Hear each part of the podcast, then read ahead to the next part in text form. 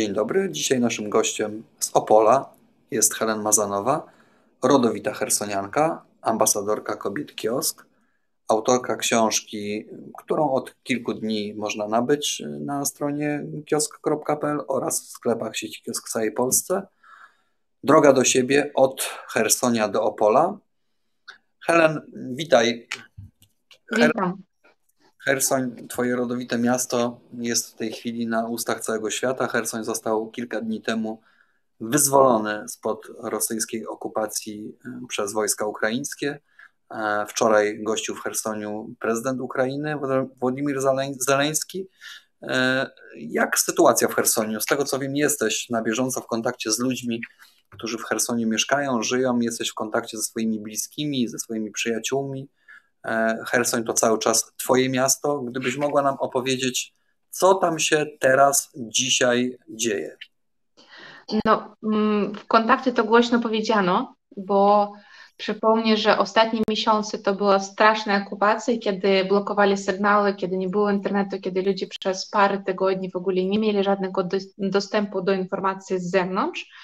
I powiem, że teraz, 11 listopada, e, wojsko ukraińskie weszło do, do miasta, e, uwolnili miasto, ale jeszcze nie wszyscy są świadome, e, nie, nie wszyscy są świadomi, że, że Ukraina wróciła jakbyś do, do, do miasta i Hersoń znów jest ukraińskim miastem i pod władzą ukraińską. Kilka z moich znajomych, którzy teraz na przykład mieszkają poza Hersoniem, udało się im wyjechać, ale zostali, zostali jeszcze tam rodzice, to też mamy kontakt i interesuje się w jaki sposób, jak w ogóle, jak się czują, czy wyszli na kontakt. Do tej pory nie ma żadnego kontaktu z nimi, nie przez telefon. Zasięg z rosyjskich SIM kart jest wyłączony, wiadomo z których powodów, ale jeszcze nie mają jakoś kontaktu przez ukraińskie wież, wieży, nie wiem, przez po prostu no, stacje nadawcze. E, tak, tak. E, I też na przykład ja wiem, że w tej chwili chyba jest e, zainstalowane dwa punkty w mieście, który, nadajnik internetu, gdzie ludzie mogą przyjść i w jakiś sposób połączyć, ale to jeszcze bardzo słaby zasięg, bo rosyjskie wojska, jak wychodzili z Hersonia, z hersońskiego obwodu, niestety zniszczyli wszystko, co tylko się dało. I teraz, jak oglądam te filmy na internecie, gdzie tam pokazują, w jakim stanie jest teraz moje miasto, no to po prostu dużo rzeczy nie poznaję. Mimo, że e, już nie wspominam, że w październiku, tam w listopadzie zostawili całe miasto, całe, całe ludzie, którzy tam jeszcze nie mogli wyjechać i zostali w mieście, no to zostawili bez wody, bez prądu, bez ogrzewania całkowicie. Helen, no właśnie o to chciałem zapytać. Jak wygląda sytuacja taka socjalno-bytowa? Czy ludzie mają co jeść? Czy ludzie mają ciepło? Czy ludzie mają wodę? Czy ludzie mają prąd? Jak wygląda sytuacja w sklepach? Czy można zrobić jakiekolwiek podstawowe zakupy? Jak żyje się dzisiaj Hersończykom w Hersoniu po opuszczeniu mm, e, miasta przez Rosjan? Po zainstalowaniu się tam wojska ukraińskiego, ale chyba na krótko, ponieważ czytałem dzisiaj taką depeszę, że wojska ukraińskie już generalnie też opuściły Hersoń, została tam zainstalowana jakaś taka podstawowa administracja, ale nie ma tam takiej regularnej armii ukraińskiej. Jak wygląda sytuacja taka życiowa, zwyczajnego Hersończyka na dzień dzisiejszy? Mi się wydaje, że nawet nie ma podstawy, żeby wojska ukraińskie zatrzymywali się w, e, w mieście, tak jak wspomniałeś, że podstawowa jakaś część została, no bo jeszcze miasto musi być wyczyszczone. Jak rosyjskie wojsko wychodzili, no to wszędzie są zakładane jakieś e, miny, e, bomby, też po prostu jest bardzo niebezpiecznie. Również bardzo dużo kolaborantów, których trzeba wykryć i e, jakoś też uregulować. I wojska idą dalej, bo mimo, że zwolnili prawy brzeg obwodu, to jeszcze została du duża część lewego brzegu do Krymu i Krym również. Także teraz jak tam czytam na wszystkich portalach, to gdzieś tam pojawia się informacja o kolejnych jakiegoś takich ważnych e, miastach obwodu, które tam już są pod kontrolą e, władz, władzy ukraińskiej, ale jeszcze nie ma oficjalnej informacji, także tutaj też trudno coś mówić. E, podstawowe życie jest tragiczne, bo osoby, z którymi miałam gdzieś tam kontakt przez ten cały czas okupacji, no to tam pisali, że ostatnie 9 dni oni byli absolutnie pozbawieni, pozbawieni prądu. Miasto było wyłączone.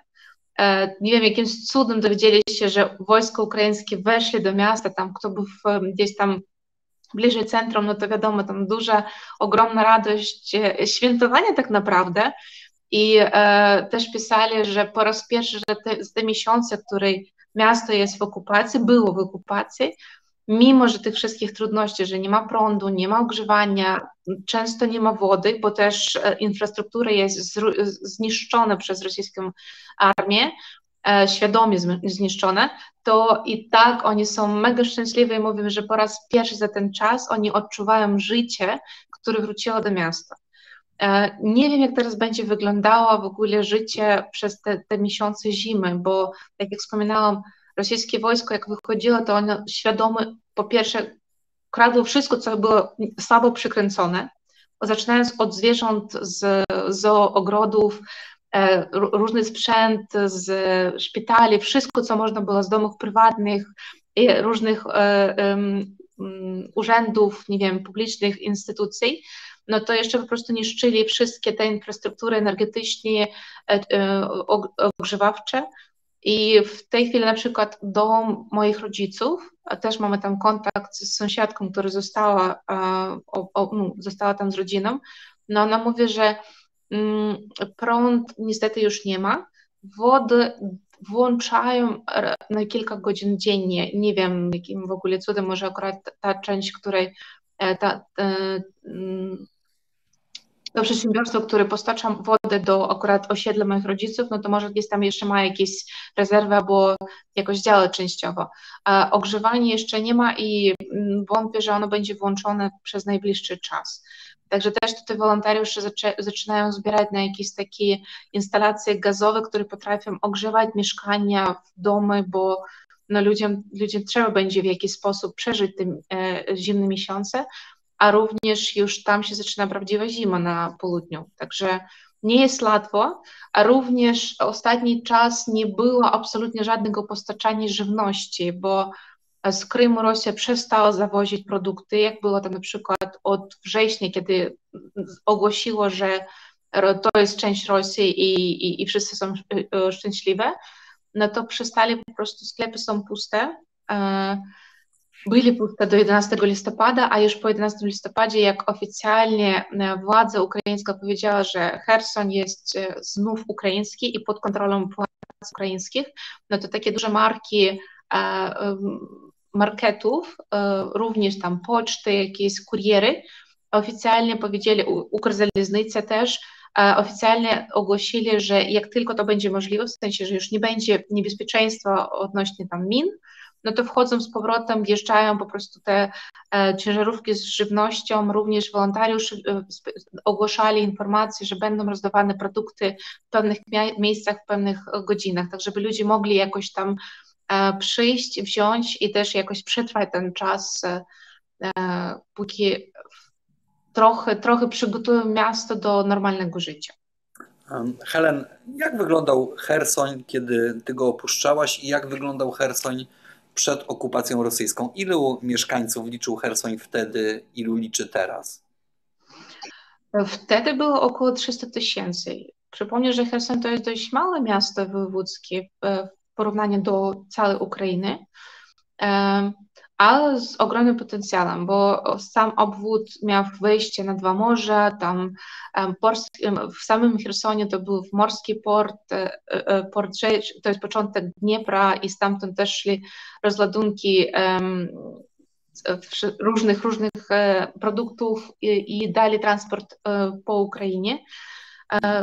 Normalnie nowoczesne miasto, gdzie byli teatry, gdzie ludzie chodzili do kina, rozwijali swoje jakieś biznesy, robili fajne takie, pamiętam parę lat temu e, grupa młodych ludzi stwierdziła, że chcą po prostu jakiegoś zmian w mieście i umówili się z władzami miasta, żeby stary jakiś tam teren, fabryki, który nie jest używany już od po prostu dziesiątki lat, przerobili na taki fajny, fajną przestrzeń nowoczesną, gdzie byli kawiarnie, gdzie, gdzie po prostu przedsiębiorcy młodzi weszli i stworzyli taką fajną atmosferę dlatego, żeby młodzież mogła spędzać czas, jakieś koncerty organizowane, fantastyczne pokazy I w sumie każde inne miasto, ludzie żyli się, rozwijali, robili remonty, podróżowali, marzyli, budowali plany i jak po prostu jak normalnie.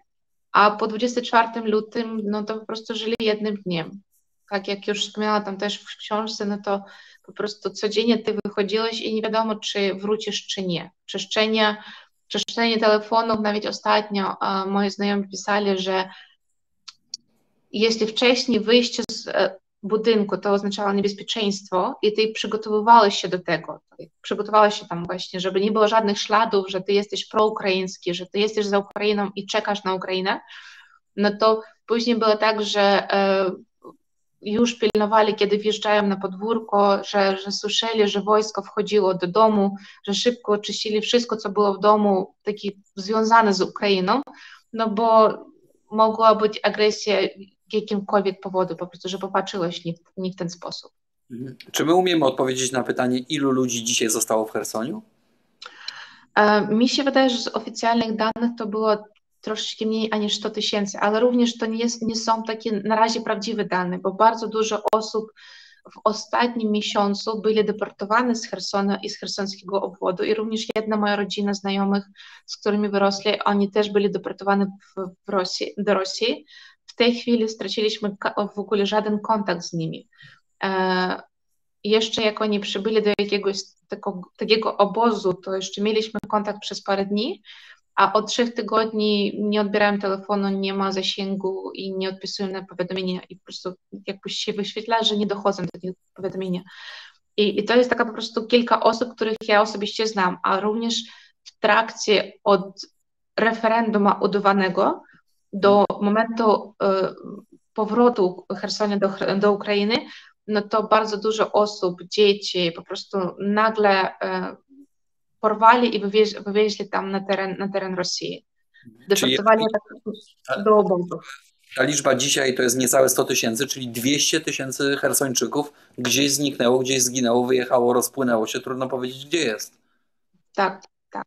I również nie, nie ma liczby osób, które w, tych, w tym czasie byli gdzieś tam torturowane i zniknę, zniknęli po prostu bez, bez informacji.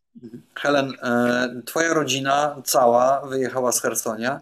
Mamie udało się uciec w dość dramatycznych okolicznościach, prawda? Tak. Mhm. E, była jedną z ostatnich osób, które jeszcze zdążyły wyjechać z Hersonia, kiedy było to jakoś możliwe.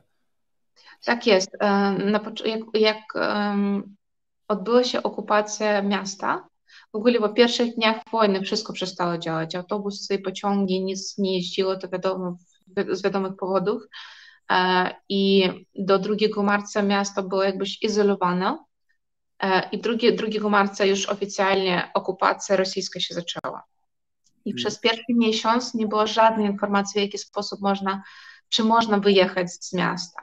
Nikt nie, wszyscy się bali, bo nie wiadomo, co było za granicą, bo za granicą miasta tam, tam szła walka i to było bardzo niebezpiecznie. I przez dwa miesiące pierwszej wojny my próbowaliśmy w różny sposób ją stąd wydostać.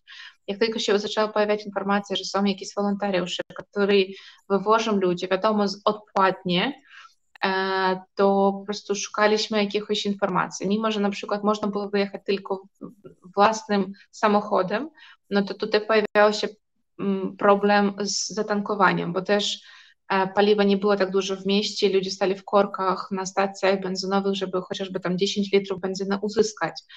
E, I na Wielkanoc e, ukraińską, tydzień po Wielkanocy polskiej, udało się ją tutaj po prostu już sprowadzić. I to było dosłownie w ostatniej dobie, kiedy jeszcze wypuszczali na teren ukraiński. 16 kwietnia ona cudem wyjechała, bo znaleźliśmy fajny kontakt do jednych, jednego z przewoźnika.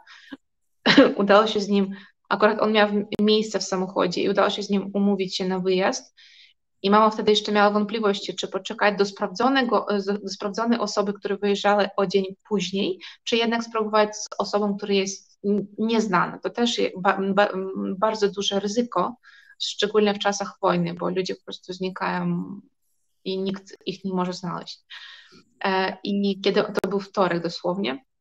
I później, jak już ja dalej sprawdzała te wszystkie kanały z informacją, czy ludzie wyjeżdżają, co się dzieje w ogóle na mieście i poza miastem, no to od środy już była informacja, że nikogo nie wypuszczali na teren ukraiński, że ludzie stali po kilka dób po prostu w polu, w, w korkach i żadną, żaden samochód nie wypuścili później. Tylko już przez Rosję, przez Krym i Rosję jeszcze tydzień później wyjechał jest kilka moich znajomych, ale to było gorsza droga, bo oni jechali przez obozy takie kontracy... Mm, jak się nazywa? Takie filtracje, obozy filtracji, kiedy ciebie przywożą, sprawdzają, przepytywują, jak coś jest nieodpowiednio albo mają wątpliwości odnośnie twojej osoby, no to po prostu gdzieś ty dalej znikasz i e, bardziej niebezpiecznie to było. A mama akurat zdążyła w ostatniej dobie wyskoczyć z okupowanego miasta. Helen, my za chwilę pokażemy zdjęcia. To będą zdjęcia Hersonia, które pochodzą z Twojego prywatnego albumu. Te zdjęcia znalazły się w dużej części e, w książce autorstwa Helen Mazanowej, Droga do siebie, od Hersonia do Opola, ale są to również zdjęcia autorstwa Iriny, Twojej koleżanki.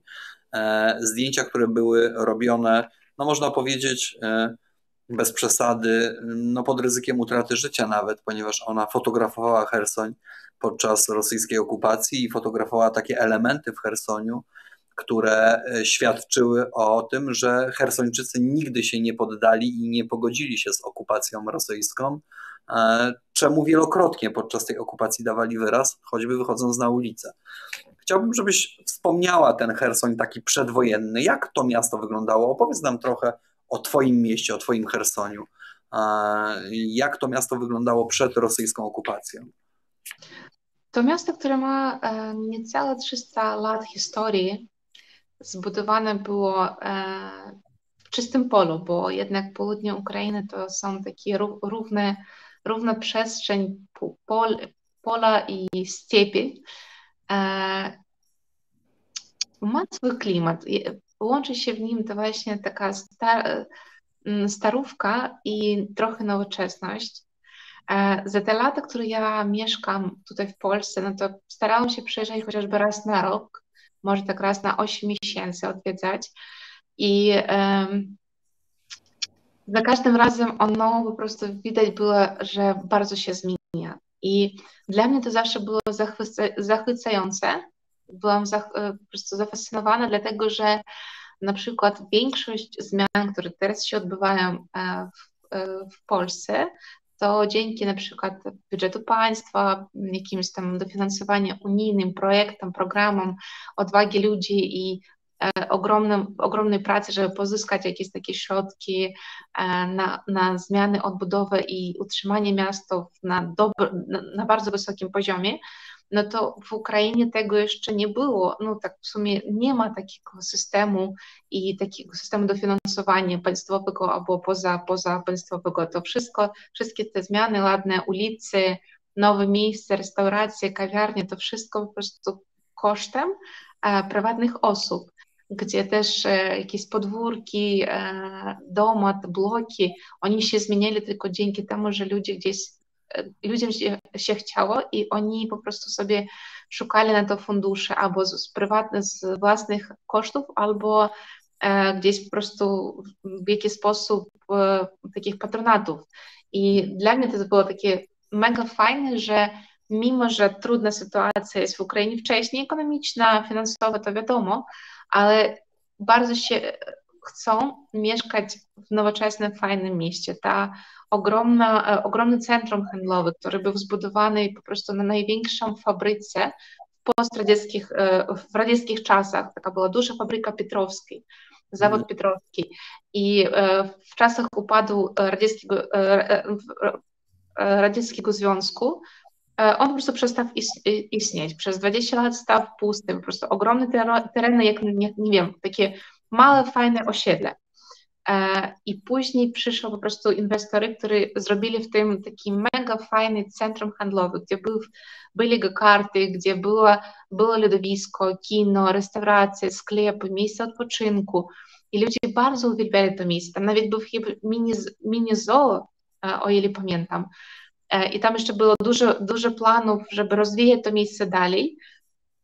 I wszyscy miejscowi bardzo lubili tam po prostu spędzać sobie czas, spotykać się na kawkę, tam zawsze było przytulnie i fajnie. I również była zachowana ta historia samego, samego miejsca, że to była fabryka największa i najfajniejsza w całym Związku Radzieckim.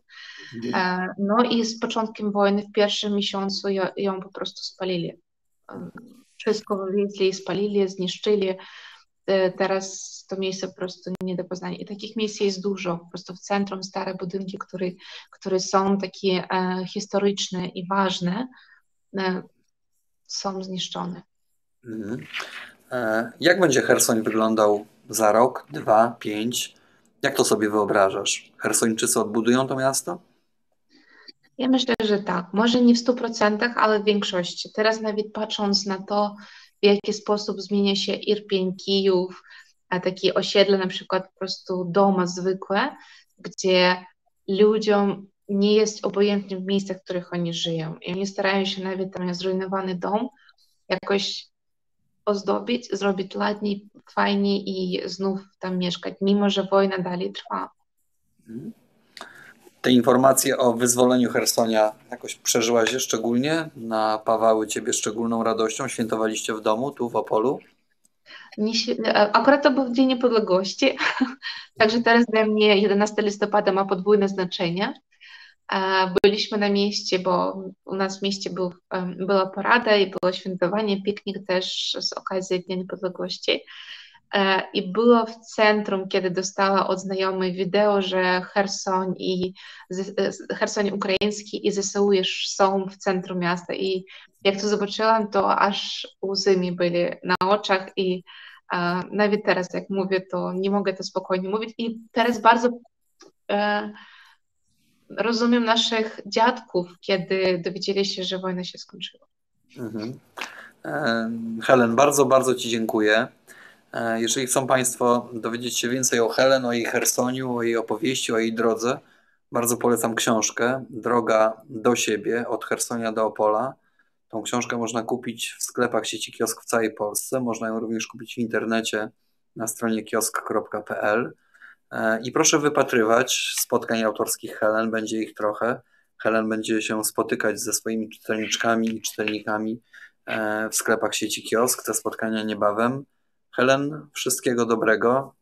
No i trzymamy kciuki, żeby nie tylko Hersoń, ale również inne miasta były wyzwolone z po tej okupacji, żeby ta wojna już się skończyła. Dziękuję bardzo. Dziękuję. Dziękujemy.